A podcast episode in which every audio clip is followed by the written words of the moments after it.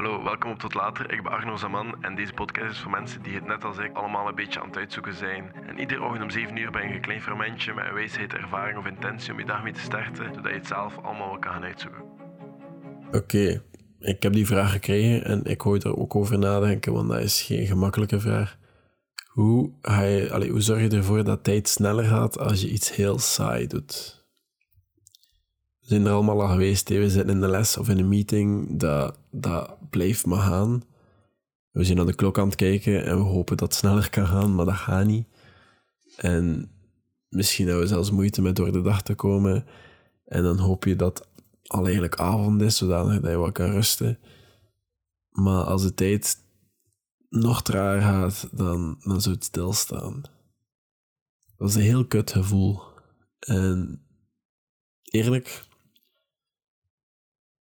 tijd niet snel of traag. Het gaat gewoon met een ritme. Het is gewoon je perceptie erover. En het gevoel dat je hebt op dat moment, dat ervoor zorgt dat je aan het kruipen bent of aan het vliegen. Maar met dat gezegd zijnde, is er een manier om tijd sneller te laten gaan als je iets heel saai aan het doen bent? We gaan dat deze podcast uitzoeken. Oké, laten we eerst kijken waarom dat de tijd zo traag vooruit gaat en waarom allee, dat zo lijkt. Omdat je waarschijnlijk iets super saai aan het doen bent. Je bent een les aan het volgen waar je niet geïnteresseerd in bent of je zit daar op dat moment tegen je hoesting.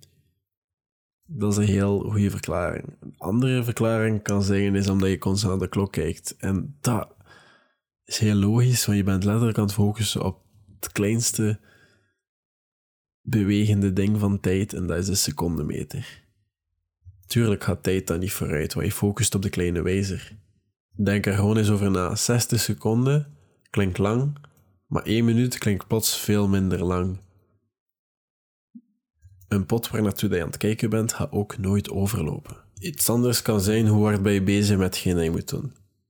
Hoe hard ben je geëngageerd. Als je in de les zit bijvoorbeeld, ben je eigenlijk bezig met wat dat zeggen is, ben je het aan het opschrijven, ben je notities aan het nemen, ben je vragen aan het stellen over het onderwerp in je hoofd, ben je, allee, ben je ermee bezig? Waarschijnlijk niet. Je bent waarschijnlijk bezig met wat je nog voor de rest van de dag moet doen. Wat je andere plannen zijn, wat je gaat doen na de les. Of waarom dat je in de les zit, of wat je kan doen in plaats van de les. Je bent bezig met allemaal andere dingen dan wat je eigenlijk aan het doen bent. En dat zorgt ervoor dat de tijd ook wat trager gaat. Dus weten dat de tijd traag gaat is half de strijd, want je kan dingen doen om jezelf geëngageerd te houden. En je kan dingen doen om de tijd sneller te laten gaan. Dus hoe kan je tijd wat sneller laten gaan? Les is niet echt het correcte voorbeeld voor de eerste oplossing dat ik je ga geven, maar stel je voor dat je ja, zelf in de leiding hebt over je meetings of whatever. Je hebt die meeting eigenlijk altijd gepland om vier uur in de middag. En dat je niet echt onderuit kan, maar dat verspilt je energie. En dan s'avonds, je hoopt eigenlijk op dat moment dat je gewoon naar huis kan. Zet die meeting een keer om negen uur s ochtends. Zet die meeting om acht uur dus noods, als eerste. Dat je er vanaf bent en je de rest van de dag kan focussen op dingen dat je wel niet zoveel moeite in moet steken om geëngageerd te zijn, om, erin, om jezelf erin te investeren. Doe dat eerst eat frog. Er zijn er duizenden boeken over, hè, over dat onderwerp dat je het moeilijkste eerst moet doen. Ik doe dat ook niet altijd, maar dat is wel verstandig. Dat zorgt ervoor dat je voor de rest van de dag in die flow kan raken, in die flow state. Hè. Het is gewoon een strategisch slimme zet. Of dat dan nu het makkelijkste is, dat is niet gezegd. Je kan niet gewoon zeggen tegen de prof, yo, gast, ik er om vier uur s ochtends... Eh, Dat is misschien te vroeg. Kan ik er om acht uur s ochtends lesgeven, zodat ik vanmiddag vrij heb? Dat gaat niet. Maar stel nu dat je, niet, groot groepswerk hebt van die ene prof. Je hebt er echt geen goesting om aan op te beginnen. Of je bachelorproef, of je masterproef, of whatever. Verdeel dat keer in veel kleinere taken. En zeg nu dat je in plaats van heel de maanden eraan werkt, drie dagen van de zeven er een half uur aan werkt. Of plan dat keer beter in, zodat je het allemaal apart... Alleen dat je er zo veel meer zicht op hebt en dat het niet zo overweldigend is. Dat, je- dat het niet te veel is om te doen. Een ander probleem is ook gewoon vaak niet beginnen. Je kan alles doen voor 15 minuten. Zet een keer een timer van nu ga ik 10 minuten werken aan iets. Dat is al. Ik, ga, ik zet gewoon een timer, nu ga ik 10 minuten werken aan iets. De kans is groot dat je verder gaat werken. Zet, zet een keer een lo-fi samurai op op de achtergrond. Dat is muziek dat ik luister als ik, als ik me moet concentreren, nog even iets intensiever moet doen voor mijn, voor mijn hersenen, of tegen moesting, met andere woorden.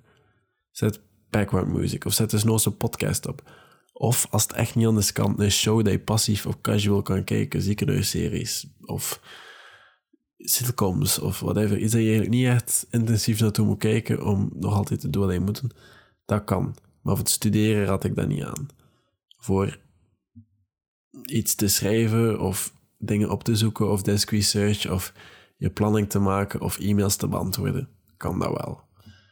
Maar voor hoge intensieve taken niet. Dan zet je gewoon muziek op de achtergrond en amuseer je.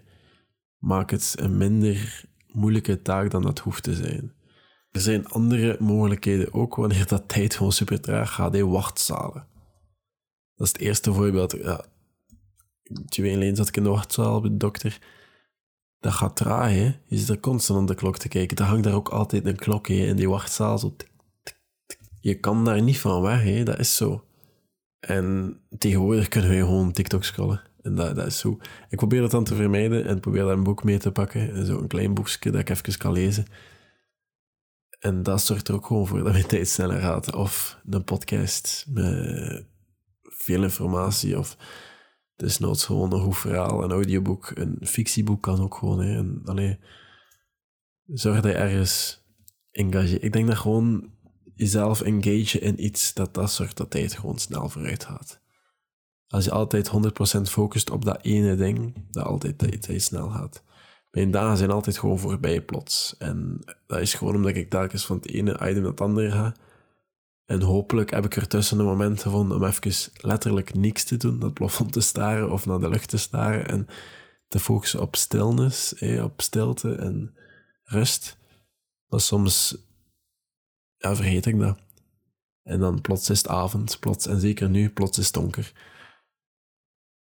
Ik denk gewoon jijzelf altijd 100% focussen op één iets tegelijk, dat dat zorgt dat tijd snel gaat. En hoe saai dat dat onderwerp ook is, hoe stom dat dat ding ook is, als je daar volledig op focust en jezelf vragen stelt en notities neemt, dus notes of er een spel van maakt, de tijd gaat sneller vooruit gaan. De hack is gewoon, ja, jezelf proberen te verbeteren door concentratie te oefenen. Maar dat is. Dat is zo vandaar. Kan je tijd laten sneller gaan als je je verveelt? Ik denk het wel. Tot later.